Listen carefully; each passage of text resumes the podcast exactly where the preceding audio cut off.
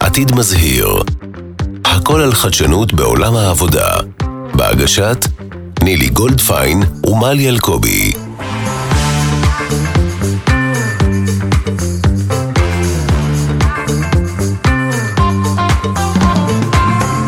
שלום, שלום, ברוכים הבאים, כיף שאתם איתנו עוד פעם. מחכה לנו עוד פרק חמוד בעתיד מזהיר, הכל על עולם העבודה. מעניינים. היי, מלי. פרק חמוד, פרק חמוד. אנחנו בעניין של האזהרות והבטחות, חמוד, אוקיי, סבבה, זורמת. אז מה העניינים? הכל טוב, הכל טוב. אני מתרגשת היום, יש לנו אורחת אה, שהיא אה, לקוחת זום. לקוחת זום זה, זה חלק מעולם העבודה החדש. אני בעצם פוגשת אותה היום פעם ראשונה אחרי שש שעות על גבי שעות עבדנו בזום ביחד, וזה ממש מרגש. חברת זום. כן. זה כמו חבר אה, פנפל, מה שהיה פעם. היי, אורית. אהלן, מה העניינים? זה כיף להיות פה. אז תכף אנחנו נציג את האורחת, אבל בינתיים ככה, תהיו בסקרנות. בואו נדבר על סקרנות. סקרנות זו תכונה נורא נורא חשובה בעתיד. מדברים עליה הרבה מאוד, ומדברים גם על היכולת להיכשל.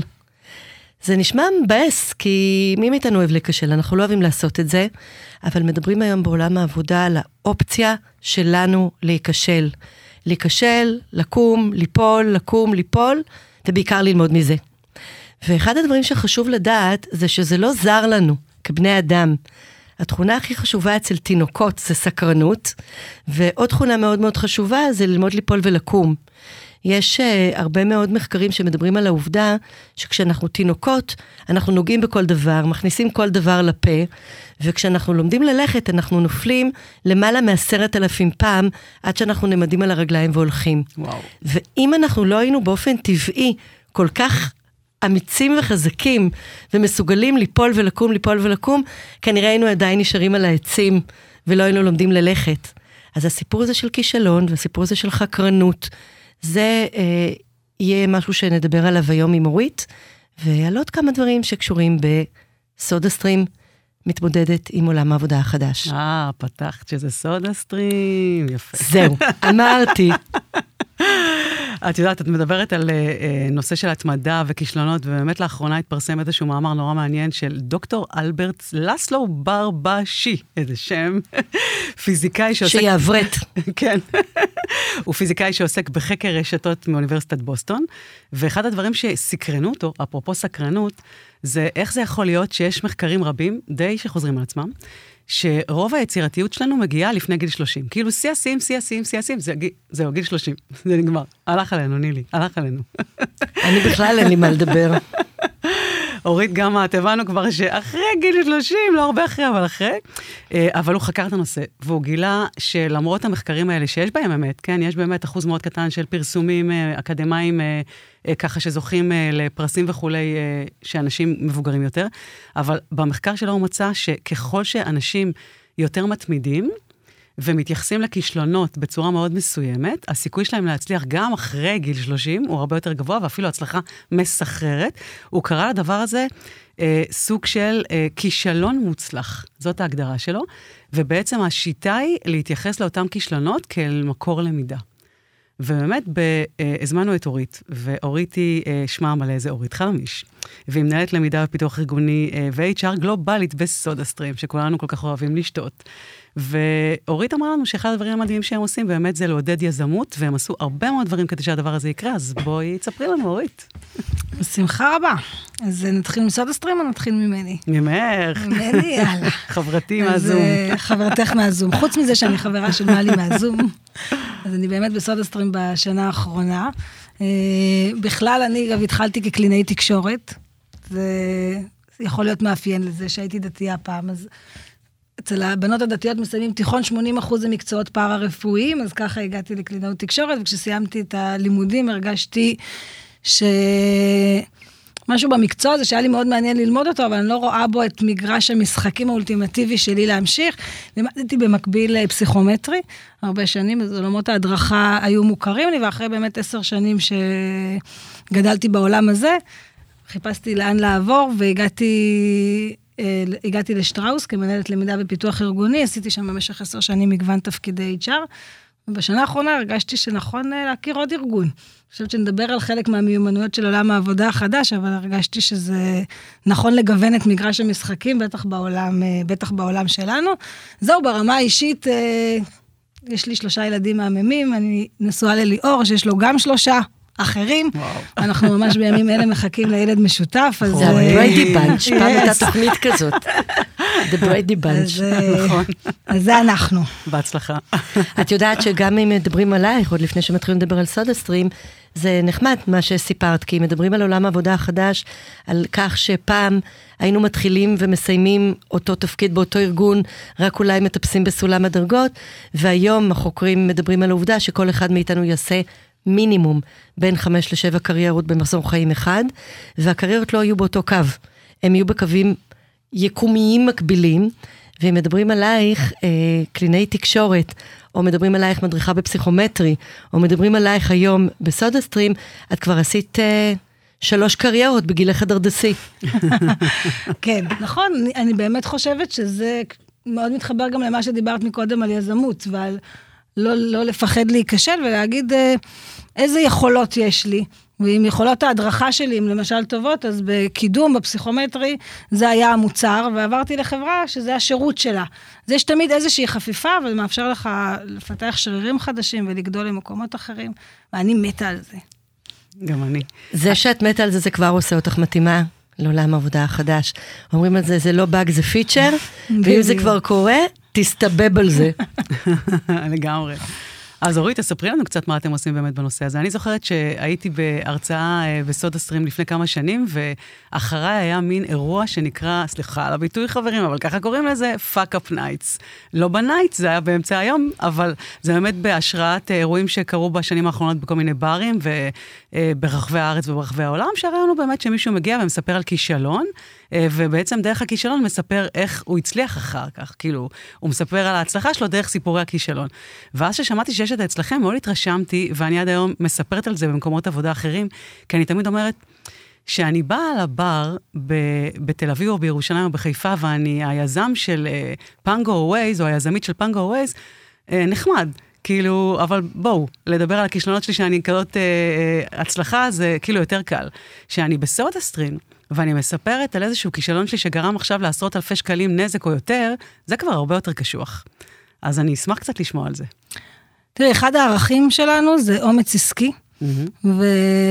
והוא באמת מדבר על זה, על היכולת לקבל החלטות באומץ, והבנה מאוד ברורה שחלק מאומץ עסקי זה היכולת להיכשל.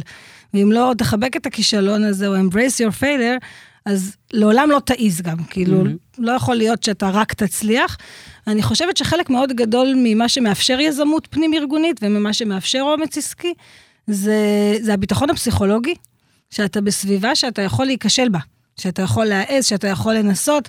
דיברת מקודם על ילדים שלומדים ללכת, אז זה נראה לנו מאוד טבעי, אנחנו לא כועסים על ילד שנופל.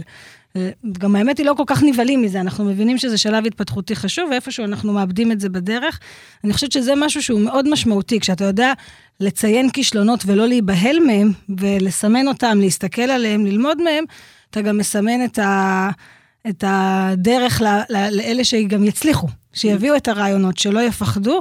ודיברת על כישלונות שאולי עשו נזקים לחברה, במקביל יש הרבה רעיונות שהביאו הרבה מאוד כסף, נכון. הרבה מאוד כסף לחברה. בדיוק דיברתי היום עם אחד מהמהנדסי האריזות שלנו, ש, שסיפר לי על זה שהוא שם לב שהמכולה שנשלחת לחו"ל עם הטעמים, היא לא מלאה עד הסוף, ויש בה מקום ל-70 אחוז שורה. בסדר? יש מקום ל... אז הוא עשה איזשהו תהליך של יזמות שלו, בסדר? שהוא ראה את הבעיה. והחליט להגביה את המשטח בקצת כדי שתיכנס שם עוד שורה ויהיה מקום לעוד טעמים ופחות מכולות ופחות ארגזים, וגם את הדבר הזה אפשר לכמת בכסף. ולהעיז, להציע את הרעיון, לחפש למי אתה מספר אותו, לאן אתה הולך, ובטח לממש אותו, אתה צריך את הסביבה שאתה יודע ש... שאפשר לנסות. ואני חושבת שזה משהו שהוא מאוד משמעותי, מאוד מאוד משמעותי בסודה סטרים. אני אגיד ברמה האישית שלי, זה באמת הצעת הערך הכי טובה שיש לארגון הזה לתת לי. אז תני לי קצת להקשות עלייך. ההבדל בין אומץ לטמטום. בסדר? כי יש הבדל בין אומץ לטמטום, אבל הם בני דודים. מספרים על ג'ייקי רולינגס שהוציאה את הארי פוטר, שהיא שלחה את הספר שלה ל-27 הוצאות ספרים שנתנו לה תשובה שלילית, עד שהיא קיבלה תשובה חיובית, ואם היא לא הייתה מתעקשת ומתעקשת מתעקשת, לא היה לנו הארי פוטר. יחד עם זאת, בתוך ארגונים, כשכולם לחוצים בזמן ובמשאבים, יש הבדל מאוד מאוד דק בין רעיון מטומטם שמישהו דוחף ודוחף ודוחף, או בין כישלון שמישהו מפר ואומר למדתי ממנו, לבין העובדה שלפעמים צריך גם לדעת להרפות, כי אם אתה מתעקש על משהו, זה יכול לעלות הרבה כסף, הרבה זמן, אה, ולא תמיד כל הרעיונות טובים. עכשיו, אם את רוצה לפרגן לאנשים ולעשות פאק-אפ נייט, וללמוד מכישלון, ולעשות uh, מין מקום כזה שמחפשים פסיכולוג... מחבקים פסיכולוגית רגשות, כדי לייצר מצב שעוד אנשים מציעים רעיונות, יכולים לחטוא בקטע של כולם כל הזמן באיזה אפי אפי גו גום, חלק מהאנשים מדברים שטויות, והארגון מבזבז את זה המון זמן. איך אתם מייצרים תרבות שבאמת מייצרת אומץ, אבל גם אפקטיביות, ולא מייצרת טמטום שמביא לנזק? זאת שאלה מעולה, זאת שאלת מיליון הדולר של פרדוקסים. אני חושבת שאנחנו כל הזמן חווים אותה, ב... חווים אותה בעולם העבודה. אני לא יודעת אם יש לזה תשובה אחת. זה משהו שאתה... מה התשובה שלך? שאתה צריך להיות uh, מאוד מודע אליו, ואני חושבת שרוב היזמויות הן במסגרת התפקיד שלך, והן יושבות על באמת איזושהי אמונה שבן אדם יש לו את ה-accountability לתפקיד שלו, ובתוך התפקיד שלך אנחנו נגדיר את התפוקות אבל תמצא את הדרך לעשות אותם, ויש יותר מדרך אחת, ותחשוב פה יצירתי, וניתן לך את המרחב לנהל. ובאמת, התפקיד של המנהל שלך הוא לכוון כשצריך, או להגיד היוזמה הזאת היא לא טובה. זה לא שכל היוזמות במלואם מתמלאות, אבל יש שם סיכון ויש שם סיכוי. מבחינתי זה בחירה לחיות, אגב. יש לך דוגמאות לדברים ככה מעניינים שאנשים יזמו ויצאו לפועל ו... כן, אנחנו בפודקאסט, אז אני אספר לכם שלמשל ה-HR כן. שלנו בגרמניה, היה לו חלום לעשות פודקאסט. וואלה. הוא אמר, האמת היא, זה היה כמעט חלום אישי, אפילו לא יכול להגיד שהוא אה, 100% חלום מקצועי, mm-hmm. אבל גם אחרי הסקר מחוברות שלנו לפני שנה, הוא הרגיש שאנשים לא מספיק יודעים מה קורה בארגון, והוא ביקש לקנות ציוד פודקאסט, ולהתחיל לעשות פודקאסט... אה, אצלהם בעצם באתר, גם לראיין עובדים ולראיין אה, מנהלים. הגיע להתראיין אצלו גם רם, שהוא המנהל אה, מפפסיקו בעצם, ש, שמנהל את סודה סטרים, והוא סיפר על כמות הצפיות, הבאנו אותו להעביר את ה case הזה, אגב, ל-HR, וכולם אמרו לו, זה בגרמנית, יש תרגום, והוספנו subtitle, ופתאום זה גם הכפיל את ה... סתם, את כמות המקשיבים. את, את כמות המקשיבים לפודקאסט הזה. אני אומרת, זאת יוזמה. שאגב, לשאלה שלך, נילי, ממקודם, היא לא עולה המון המון כסף. היא נתנה לו את המשמעות האישית שלו. אני חושבת שהיא נתנה ערך ארגוני, ובעיקר מאפשרת לו להסתכל רגע על משהו שהוא אומר, זה שלי. אני חושבת שזה כבר מעבר ליזמות, אנחנו מדברים המון על משמעות שאנשים מחפשים בעולם mm-hmm. העבודה. אז משמעות אחת מאוד חזקה בסודה סטרים היא באמת המישן הארגוני של בואו נצמצם את השימוש בפלסטיק, ואנחנו יודעים להגיד בכל רגע נתון כמה בקבוקי פלסטיק חסכנו לעולם בשימוש בסודה סטרים, אבל משמעות לא פחות חשובה לאינדיבידואל זה המשמעות שלו. זה היכולת להסתכל... זהו, סיפרת לי שהיה גם מישהי שעשתה איזושהי יוזמה שקשורה לזה, להתחממות הגלובלית, נכון? איזו שביתה שהיא רצתה לארגן או משהו? כן, ביום ש... שגרטה ארגנה את השביתה כן. הראשונה שלה, כן. אז יעל פדצור, שהייתה בעצם המנהלת PR אצלנו, mm-hmm. מספרת, שוב, אני עוד לא הייתי בסודה סטרים, אבל כן. היא מספרת איך היא בעצם ראתה את זה וכתבה לאייל, המנכ"ל שלנו, יש מחר שביתה, אולי גם אנחנו נשבות, ותוך חצי שעה, רגע, החליטו ששובתים. אז אני חושבת שהדוגמאות האלה הן באמת לא המקומות של המיליונים, אלא הם הפתיחות שאומרת, רעיונות יכולים להגיע מכל מקום. זה מאוד חזק, אגב, גם ברצפת הייצור, כי המצוינות התפעולית... מאוד מדברת את השפה הזאת, mm-hmm. ההבנה שרעיונות נמצאים בכל מקום, אנחנו רוצים לעודד אותם, אנחנו צריכים לתת את הסביבה שמאפשרת להקשיב לרעיונות האלה, מאפשרת להיכשל לפעמים, ובעיקר סומכת על האנשים. כן, זה מעלה את התחושה של האמון. אותי נורא מעניין איך אתם תכלס עושים את זה, כי יש מקומות שאני מכירה שעושים כל מיני צוותי שיפור ומביאים רעיונות, ובסדר, מנטרים את הבלנס בין האומץ לטמטום, וכן אה, נותנים כל מיני סוגים של תגמולים שהם גם מעבר למשמעות. אז אני חושבת שיש עניין של תרבות ארגונית שמפרגנת ולא רוצחת מישהו אם הוא עושה איזה שטות. יש גם כל מיני דרכים לתגמל אנשים שמביאים דברים שחוסכים לחברה כסף, ויש באמת עניין של חינוך, פשוט עניין באמת של תרבות. ומעניין אותי לדעת איך זה אצלכם בתכלס. איך יוצרים מצב שבאמת מעודדים אנשים ליצור וליזום, גם כשהיצירה והיזמות הם לא תמיד uh, מצליחים. אני מרגישה שזה באמת הרבה שאלה של תרבות זאת שאלה של תרבות, וכשאתה רואה יוזמות שמצליחות, ואתה שם עליהם את הספוט ואת הרקוגנישן, אז עוד אנשים יוזמים, ולאט לאט זה נהיה, זה הדבר שאתה מבין, גם כמנהל וגם כעובד, שמצופה ממך. אה, כלומר, אין פה דווקא איזה צוותי אה, שיפור ורעיונות, זה הרבה יותר בגישה הניהולית, בתרבות, בערכים שלנו של and Urgency, אנחנו מעודדים את זה, אנחנו מדברים על זה, אנחנו מדברים על האומץ העסקי, כלומר, הערכים יושבים באמת מסביב לדבר הזה, אה, וכשאתה רואה שזה עובד, זה פשוט עושה חשק. אז זה מדבק. זה פשוט כאילו קיים בתרבות על ידי ה... גם, כמו שאמרת, שמדברים על זה ומייצרים את האירועים שקשורים גם לדיבור על הכישלון ולא רק על ההצלחה, ו- ועצם העשייה עצמה מדבקת ועושה דוגמה אישית ממש uh, טובה. ממש, אני אספר לכם על עצמי, אני, האווירה הזאת גורמת לי שהמוח שלי עובד הרבה יותר ממה שהוא היה עובד אחרת. אם היו אומרים לי בדיוק מה לעשות, אז הייתי עושה בדיוק את מה שהיו אומרים לי. אבל כשאני מרגישה שיש מסביבי את המרחב הזה לחשיבה, בא לי להצליח, בא לי להביא את הרעיון הבא, זה בדיוק מה שהייתי רוצה להצליח לעשות. אף אחד לא אמר לי אותו, אז הוא יהיה שלי. אני אוכל, אני אוכל לעבוד. עכשיו, אני חושבת שבתפקיד שלי היום בכלל, זה, אני תמיד מסתכלת על מה אני עוברת בתור עובדת, ואיפה זה בעצם משקף את התרבות הארגונית. תהליכים מקבילים שכאלו, אה, ולדעת להמשיג אותם, ואני מרגישה את זה על עצמי מאוד מאוד חזק בסודה סטרים. אנחנו צריכות אה, לחתור לסיום, אבל לפני כן, אמרת משפט כשנורא בא לי לשאול אותו, עוד שאלה אחת אחרונה. אמרת, זה יהיה שלי. אתם נותנים באמת קרדיט איזשהו סוג של קרדיט ליוזמות האלה לאנשים עצמם. כי נגיד, סתם, אה, באיזושהי חברה שמוכרת קפה לפני כמה שנים, עשו כל מיני כאלה יוזמות דרך האתר, ונגיד, סתם, מישהו המציא קאש, נתנו לו קרדיט על, על השם שלו על הקאש. וכל העולם ראה את זה. לא יודעת אם קרדיט כזה, גם כן. שאלה מה הקרדיט. כן. אבל המנהל שלך, הכרה, הכרה. המנהל שלך גאה בך, זה קרדיט. לא, הייתה שבוע שעברת ארוחה כן. בתפעול, כן. של כל הרעיונות של היזמות והשיפור המתמיד. אני חושבת שבסוף כשמגיע עובד ייצור ורואה את עצמו על הפוסטר, זה, זה, זה כן, הכרה. זה קרדיט, זה הכרה, זה כן, קרדיט. זאת הכוונה, מהמם. אז, אז שאלה אנחנו, כן. בעצם כן, כמעט אחרונה, כן. אמ, לי לפחות יש המון אה, רגשות חמים כלפי יסוד הסטרים. כי אני באמת... הסטרים אלייך. אני יודעת, ותמיד נעים לי עם זה.